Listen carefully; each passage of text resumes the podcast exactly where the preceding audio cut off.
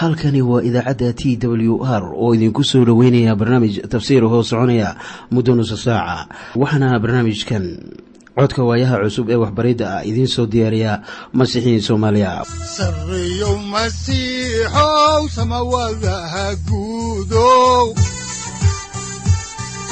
Siraadkii adduunkow subanaha eebow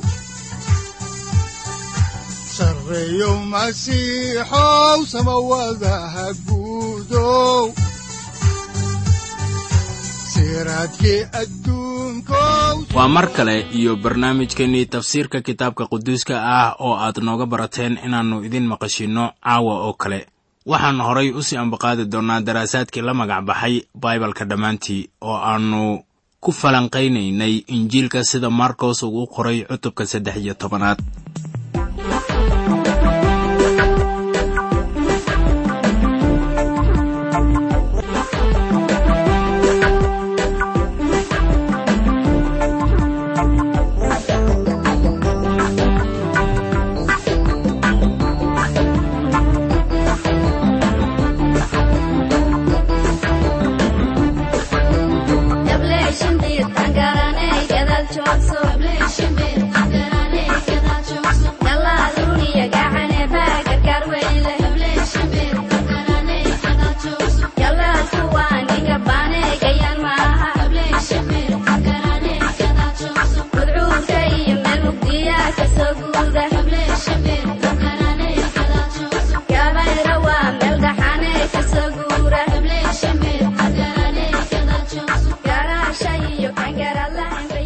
waxaannu ka hadlaynay wax ku saabsan su'aalihii ay weyddiiyeen horumadii xerta ahayd markii ay joogeen buur saytuun. Waxay weyddiiyeen marka dhagax dhagax dul saaran aan loo dayn doonin. Waxay kaloo weyddiiyeen maxay noqonaysaa calaamadda imaanshaha masiixa iyo maxay noqon doontaa calaamadda wakhtiga dhammaadkiisa? Haddaan halkii ka sii ambaqaadno injiilka markos aayadaha shan ilaa lix ee cutubka saddex iyo tobanaad waxay noo sheegayaan sida tan.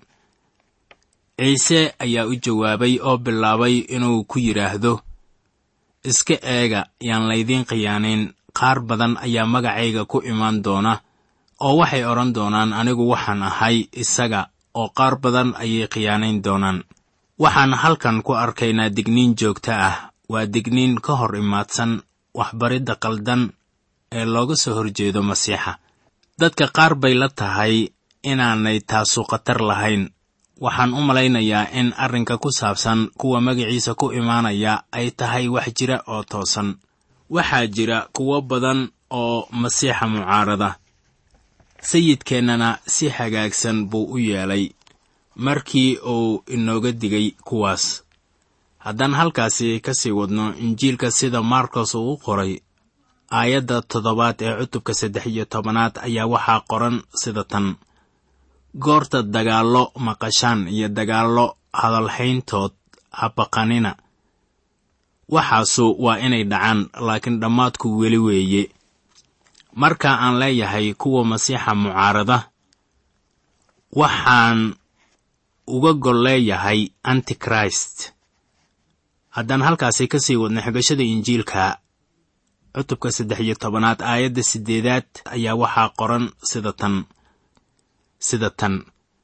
Waayo quruunba quruun bay ku kici doontaa boqortooyona boqortooyo oo waxaa meelo kala duwan ka dhici doona dhulgariir iyo abaaro waxaanu waa bilowga hoogaga maanta dadku waxay la tahay inay ilbaxeen waayo waxyaabo badan baa la soo saaray waxayna la tahay inuu dunida ka dhigayo meel aad u wanaagsan laakiin isla markiiba waxay dadka ogaadeen inay iyaga dhulkii nabaad guuriyeen oo ay ka dhigeen meel aan la degganaan karin. Intaan wakhtigu sii soconba ilaa la yareeyo taranka dadka mooyaane dadku gaajo ayay u dhammaanayaan. Haddaan halkaasi ka sii wadno ayaa waxaa ku qoran injiilka sida markos uu u qoray cutubka saddex iyo tobanaad aayadaha sagaal ilaa toban sida tan laakiin iska jira waxaa laydiin dhiibi doonaa shirar oo sunugogyo waa laydinku karbaashi doonaa taliyayaal iyo boqorro hortooda. Ayaa daraadday u istaagi doontaan inaad markhaati u ahaataan. Horta injiilka waa in lagu wacdiyo quruumaha oo dhan. Haddaba injiilka boqortooyada wuxuu adkaynayaa ama dadka uu ku leeyahay toobadkeena waayo wakhtigii uu dhow yahay. Marka dhanka kale laga eego wuu imaanayaa. Marka ay leeyihiin maalintaas waxay ula jeedaan wakhtiga hoogagu jiraan. Taasuna waa saxiix. Haddaan halkaasi ka sii wadno waxaa ku qoran injiilka markos cutubka saddex iyo tobanaad aayadda kow iyo tobanaad sida tan. Oo goortii laydiin wado oo laydiin gacan geliyo horta ha ka welwelina wixii aad ku hadli doontaan. Laakiin wixii saacaddaas laydiin siiyo waxaas ku hadla. Waayo ma aha idinka kuwa hadlaya laakiin waa ruuxa quduuska ah. Haddaba aayaddanu qiil siin mayso wacdiyayaasha caajiska ah si ayan u diyaarsan waxa ay dadka kula hadlayaan. Haddaan halkaasi ka sii wadno ayaa waxaa ku qoran aayadda laba iyo tobanaad ee cutubka saddex iyo tobanaad sida tan walaalba walaalkiis wuxuu u dhiibi doonaa in la dilo aabbana walaalkiis. Carruurna waalidkood ayay ku kici doonaan oo dhimasho ay gaarsiin doonaan. Waxaa jiri doona fawdo dhex timaada dadkaas. Haddaan halkaasi ka sii wadno ayaa waxaa ku qoran injiilka sida markos uu u qoray. Cutubka saddex iyo tobanaad aayadda saddex iyo tobanaad sida tan. Dadka oo dhan ayaa magacayga aawadiis idin nabcaan doona laakiin kan ilaa ugu dambaysta adkaysta kaasaa badbaadi doona. Waxaa jiri doona dunida oo dhan yuhuud nacayb maalintaas. Laakiin markii ilaah uu shaabadeeyo iyaga maalintaas ayay gaari doonaan dhammaadka. Waxaan haatan soo gaarnay qayb la yaab leh. Aynu eegno injiilka sida markos uu u qoray aayadda afar iyo tobanaad ee cutubka saddex iyo tobanaad. Oo leh laakiin goortaad aragtaan waxa baas oo hallaynta ah oo taagan meeshii uusan lahayn inuu taagnaado kii akhriyaa ha garto. Markaas kuwa yuhuudiya jooga buuraha ha u carareen. Haddaba haatan waxaa bilaabanaya maalinta dhibta. Saddexda sannadood ee ugu horraysa way deggan tahay. Waa nabad ku sheegga kan mucaarada masiixa dabeetana isla markaas waxaa muuqanaya baaba'a la goostay sida ku qoran kitaabkii nebi daniyeel waxay waxaasu istaagayaan meeshii uusan lahayn inuu taagnaado halkaasuna waa meesha quduuska ah. Soo arki maysid haddii markos uu ku odhan lahaa reer rooma waxa baas oo hallaynta waxaa la keenayaa meesha quduuska ah waxay ku odhan lahaayeen waa halkay meeshaasu. Waxaase uu leeyahay oo taagan meesha uusan lahayn inuu taagnaado. Ha yeeshee taasi waa waxaan garan karayno badankeen soo arki maysid waxaynu u baahan nahay inaan garanno in meesha quduuska ah la siiyey oo keliya qaranka israa'iil. Meesha qaaska ahi waxay noqonaysaa macbudka ku yaalla dunideenna. Kiniisaddu ma leh meel quduus ah. Haddaan halkaasi ka sii wadno injiilka ayaa waxaa ku qoran cutubka saddex iyo tobanaad aayadaha shan iyo toban ilaa siddeed iyo toban sida tan. Kii guri fuushanuna yaannu guriga u soo degin oo gelin inuu wax ka soo qaato. Kii beer joogaana yaannu dib ugu noqon inuu dharkiisa soo qaato. Laakiin waa u hoog kuwa uurka leh iyo kuwa wakhtigaas ilmo nuujinaya. Barya inaan waxaasu noqon wakhtiga qabowga marka taasu ay dhacdo ayaa la soo gaarayaa bilowga wakhtiga hoogaga. Haddaan halkaasi ka sii wadno injiilka markos cutubka saddex iyo tobanaad aayadaha sagaal iyo toban ilaa saddex iyo labaatan ayaa waxaa qoran sida tan. Waayo maalmahaas waxay ahaan doonaan dhib sida mid aan jirin tan iyo bilowgii abuurniinta oo ilaah abuuray. Mana jiri doonto weligeed oo haddaan rabbigu wakhtigaas gaabin ninna ma uu badbaadeen laakiin kuwuu doortay aawadood ayuu wakhtigaas u gaabshay. Markaas haddii nin idinku yidhaahdo waa kan masiixi ama waa kaas ha rumaysanina waayo waxaa kici doona masiixyo been ah iyo nebiyo been ah oo waxay samayn doonaan calaamooyin iyo yaabab si ay xataa kuwa la doortay u khiyaaneeyaan hadday u suurtowdo laakiin idinku iska jira. Wax walbaba horraan idinku sheegaye masiixyo been ah iyo nebiyo been ah ayaa waxay samayn doonaan yaabab iyagoo isticmaalaya awoodda shayddaanka soo noqoshada labaad ee masiixa waxaa la arki doonaa dunida oo gudcur sii noqonaysa. Waxaana ku xigi doona in xiddigaha cirka la gariiriyo waxaana taasu ay kaamilaysaa wixii ku qornaa kitaabkii yo'eel cutubka labaad aayadaha siddeed iyo labaatan ilaa laba iyo soddon. Haddaan halkaasi ka sii wadno injiilka ayaa waxaa ku qoran cutubka saddex iyo tobanaad aayadaha afar iyo labaatan ilaa lix iyo labaatan sida tan. Laakiin wakhtigaas dhibtaas dabadeed qorraxdu waa madoobaan doonaan dayaxuna ma nuuri doono xidiguhuna cerka waa ka soo dhici doonaan. Xoogaga cerka ku jiraana waa la gariirin doonaa. Markaase waxay arki doonaan wiilka aadanaha oo daruuraha ku imaanaya isagoo leh xoog badan iyo ammaan. Ma jiri doonaan daruuraha roobka markaan eegno fasiraaddan waxaase jiri doona daruuro ammaan leh waana ammaantii shakinah waxaan rumaysanahay in tanu ay tahay calaamadda wiilka aadanaha ee samada.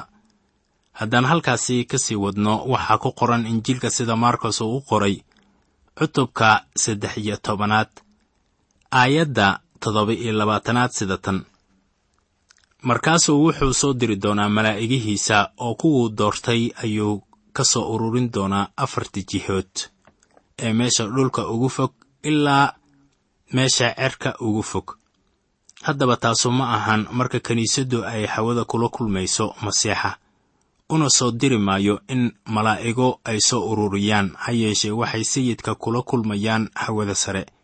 Sida ku qoran warqaddii koowaad ee tesalonika cutubka afaraad aayadaha saddex iyo toban ilaa siddeed iyo toban. Haatan waxaynu soo gaarnay masaalkii geedka bardaha innagoo masaalkaasi ka akhrinayna injiilka sida markos uu u qoray aayadaha siddeed iyo labaatan ilaa sagaal iyo labaatan ayaa waxaa qoran sida tan. Haddeer geedka bardaha ah masaalka garta. Intii laantiisu curdun tahay oo caleemo bixinayso waxaad garanaysaan inuu roobku dhow yahay. Idinkuna sidaas oo kale goortaad aragtaan waxaa oo dhacaya garta inuu wiilka aadanuhu dhow yahay oo albaabada ag joogo. Haddaan halkaasi ka sii wadno kitaabka ayaa waxaa ku qoran cutubka saddex iyo tobanaad aayadda soddonaad sida tan. Runtii waxaan idinku leeyahay qarniganu ma idlaan doono intaanay waxan oo dhammi dhicin.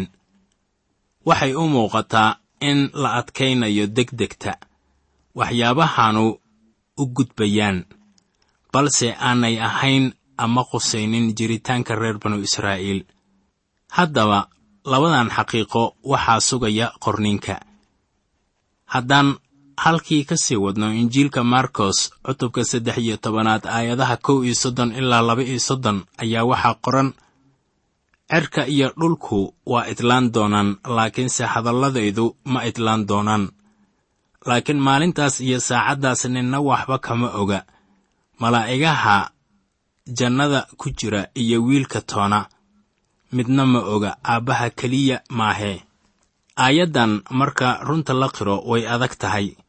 Haddii ciise ilaah yahay way adag tahay in la yidhaahdo taa garan maayo.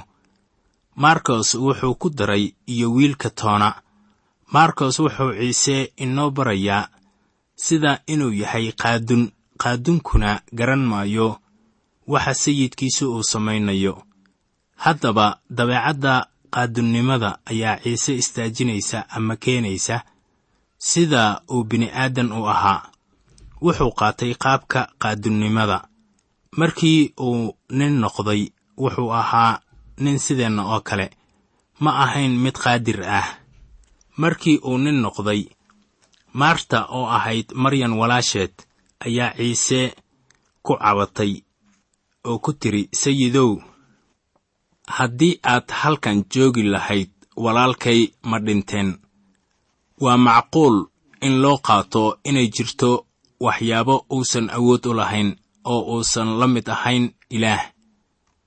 Haddaan halkaasi ka sii wadno ayaa waxaa ku qoran aayadda saddex iyo soddonaad ee cutubka saddex iyo tobanaad sida tan iska jira oo soo jeeda waayo ma ogidiin wakhtigu goortuu yahay.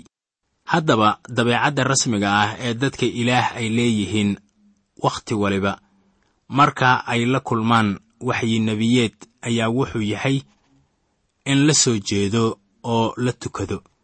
Haddaan halkaasi ka sii wadno ayaa wuxuu noo sheegayaa injiilka markos aayadaha soddon iyo afar ilaa soddon iyo toddoba sida tan waa cutubka saddex iyo tobanaade. Waa sidii nin dal kala tegay oo gurigiisii ka tegay addoommadiisa ayuu amar siiyey nin walbana shuqulkiisa. Wuxuuna amray albaabjooguhu inuu soo jeedo. Soo jeeda haddaba waayo idinkuma ogidiin sayidkii guriga lahaa goortuu imaanayo inay tahay maqrib ama habeen barkii ama goortuu diiqiciyo ama aroortiiba. Waayo waaba intaasuu idinku soo kediyaa oo uu idin helaa idinkoo hurda. Waxaan idinku leeyahay ayaan dadkii oo dhan ku leeyahay soo jeeda. Haddaan intaasi ku soo ekayno cutubkii saddex iyo tobanaad ayaan haatan idiin bilaabaynaa cutubka afar iyo tobanaad saaxiibayaal waxaannu soo gaarnay cutubka ugu dheer ee injiilka sida maarkos uu u qoray ah kaasoo ka kooban laba iyo toddobaatan aayadood. Waxaannu haatan soo gaarnay cutub ficil ku laran yahay. Haddaba ciise ma ahan mid samaynaya ficillo waxaase beddelaya kuwo kale. Qaar waa saaxiibadiis iyo kuwii ka soo hor jeeday wuxuu soo gaaray wakhtigii la samata bixin lahaa.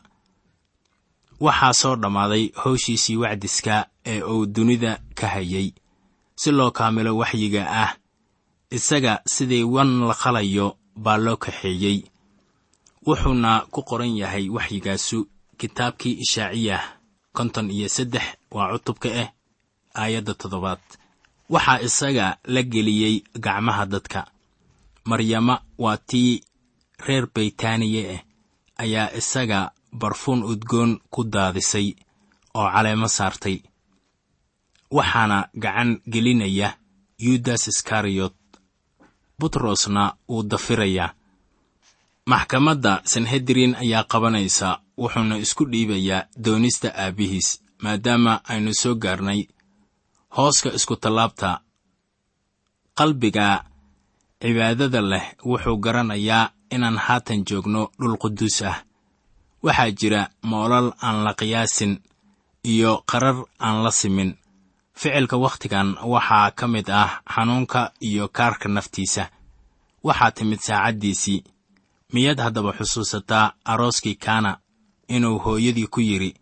Saacaddaydu weli ma imaanin sida ku qoran yooxanaa cutubka labaad aayadda afaraad balse haatan baa la soo gaaray. Cutubkan iyo kan kale ee soo socdaa ayaad ku arkaysaa heshiis dhex maraya. Janno iyo naar iftiinka iyo gudcurka ayaa isku meel imaanaya. Xaqnimada iyo dembigu waxay wada aadayaan isku tallaabta oo waxay u muuqataa in ilaah iyo shayddaankuba isku waafaqeen in ciise la qodbo waxaa markaa jiraya go'aamo ay garanayaan shakhsiyaad isku xeeray isku tallaabta siday maantaba tahay. Sidan soo socota ayaa haddaba loo qaybiyey cutubkan kow. Wadaadka sare iyo culimmada oo qorshaynaya dilkii ciise masiix. Labo maryantii reer baytaaniya oo cadar madaxa iyo lugaha uga shubaysa ciise. Saddex yudas oo qorshaynaya inuu gacan geliyo ciise.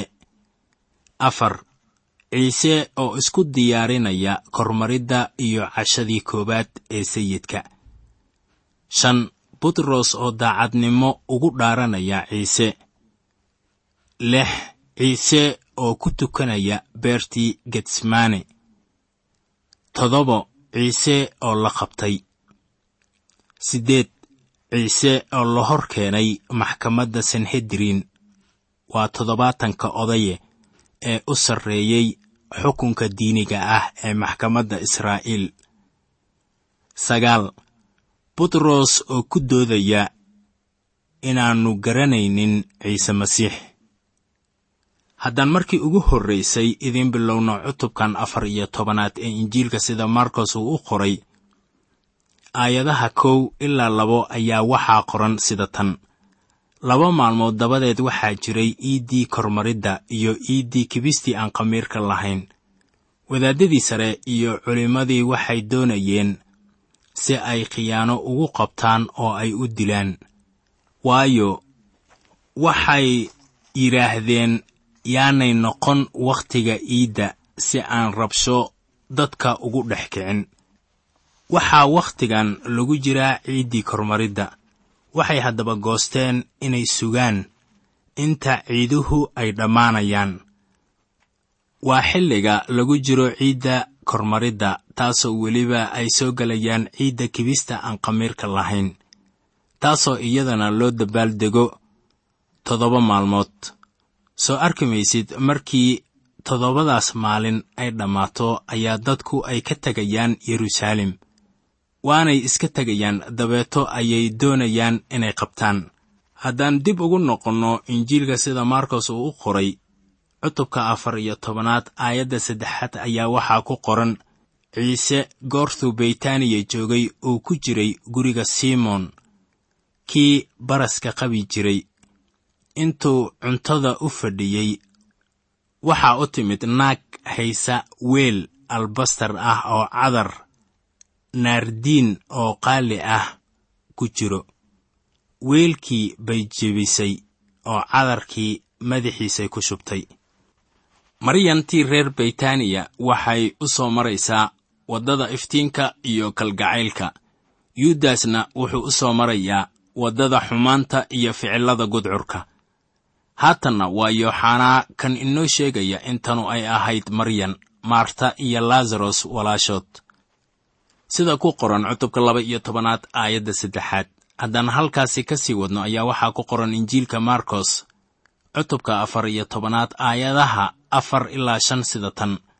Waxaa joogay kuwa qalbiga ka cadhooday oo waxay isku yidhaahdeen cadarkii maxaa sidan loogu khasaariyey? Waayo cadarkan waxaa lagu iibin kari lahaa wax saddex boqol oo diinaar ka badan oo masaakiinta la siin lahaa. Wayna ku ganuunaceen iyadii. Yooxanaa wuxuu inoo sheegayaa inuu ahaa yudas iskariyot kii bilaabay gunuunaca. Waxaanay taasu keentay in kuwa kale isaga ay raacaan. Haddaba hadalkii la lahaa wuxuu ahaa maxaa barfuunkan sidaan loogu khasaariyey? Oo inta la iibiyo loo siin waayey masaakiinta arrintaa iyada ah baa dabooshay asbaabtii rasmiga ahayd. Yudas wuxuu doonayey inuu tan u isticmaalo dan isaga gaar u ah. Waxa ayaan darra ah inaan mararka qaar waxyaabahan oo kale ku dhex aragno howlaha ay masiixiyiintu qabtaan. Haddii ay lacagta siin lahaayeen yudas halkeebaad u malayn lahayd in yudas lacagtaasi uu geyn lahaa. Meel kastoo uu geeyaba aynu horay ugu sii soconno oon injiilka markos uu qoray sii eegno cutubka afar iyo tobanaad aayadaha lix ilaa toddoba oo leh sida tan. Laakiin ciise baa ku yidhi daaya maxaad iyada u dhibaysaan? Shuqul wanaagsan ayay igu samaysaye. Waayo masaakiintu mar walba way idinla jiraan. Markaad doonaysaan wax wanaagsan waad u samayn kartaan aniguse mar walba idinlama joogo. Haddii ay daacad yihiin waxay helayaan fursado badan oo ay ku caawiyaan masaakiinta. Waxaana laga doonayaa inay fursadahaas ka faa'iidaystaan. Joogitaanka masaakiinta ayaa ah calaamad qarnigan lagu dhex arkayo.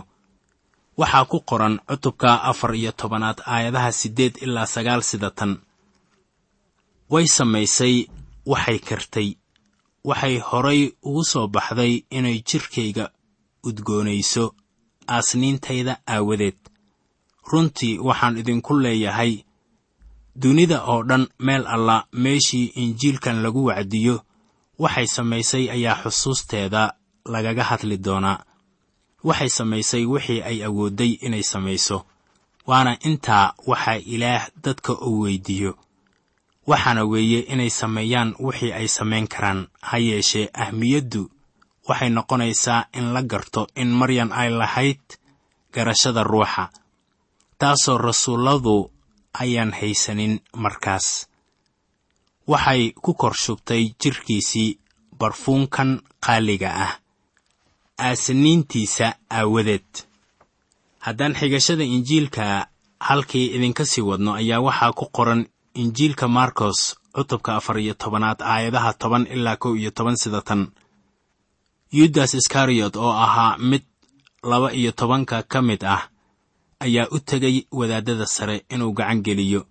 Iyagu markay maqleen ayay farxeen oo waxay ka ballanqaadeen inay lacag siiyaan. Markaasuu doonay goor wanaagsan oo uu u soo gacan geliyo halkan waxaannu ku arkaynaa yudas oo ku dhex jira ficilkiisii xumaa. Ninkan wuxuu haatan qorshaynayaa inuu ciise dhimasho u gacangeliyo qorshahan waxay ahayd in loo sugo wakhti ku habboon laakiin soo arki maysid sayidku wuxuu gediyey ama beddelay qorshihii. Waxaan arkaynaa sida ku qoran yooxanaa cutubka saddex iyo tobanaad aayadda toddoba iyo labaatanaad oo leh sidaas daraaddeed ciise wuxuu ku yidhi waxaad samaynayso dhaqso u samee. Markaana yudas waa inuu ku cararo farriisiinta uu ku yidhaahdo waa inaad haatan soo qabataan waayo qorshihiinnii waa la ogaaday. Wuxuu igu yidhi dhaqso u samee waxaad doonayso inaad samayso. Waxaa laga yaabaa inuu isaga tago magaalada haddaba isla markiiba askartii bay diyaar garaysteen oo waxay u baxeen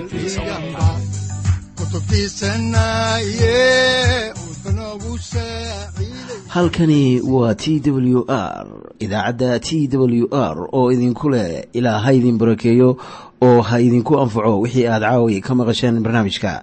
Waxaa barnaamijkan oo kalea aad ka maqli doontaan habeen dambe hadahan oo kale haddiise aad doonaysaan in aad fikirkiina ka dhiibataan wixii aad caawi maqasheen ayaad nagala soo xiriiri kartaan som t w r at t w r c o k e haddii aad doonaysaan in aad dejiisataan oo kaydsataan barnaamijka ama aad mar kale dhegaysataan fadlan mar kale booqo www t w r o r g amase waxaad teleefoonkaaga ku kaydsataa ama ku download garaysataa agabyada ku sahli karaa dhegeysiga t w r haddii aad doonayso in laga kaalmeeyo dhinacyada fahamka kitaabka amase aad u baahan tahay duco fadlan fariimahaaga soo mari bogga aaraahda ama kommentska inana jawaab degdeg ah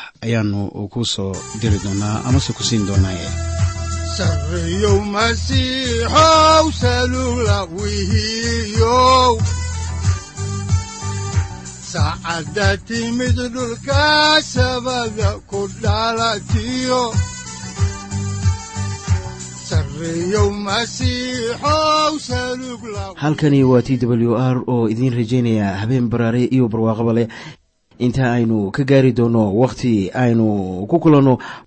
barnaamij la mida kan caawayay aad maqasheen. Waxa aan idinku leeyahay nabadda ciise masiix ha idinku badato xagga jidhka iyo ruuxaba. Aamiin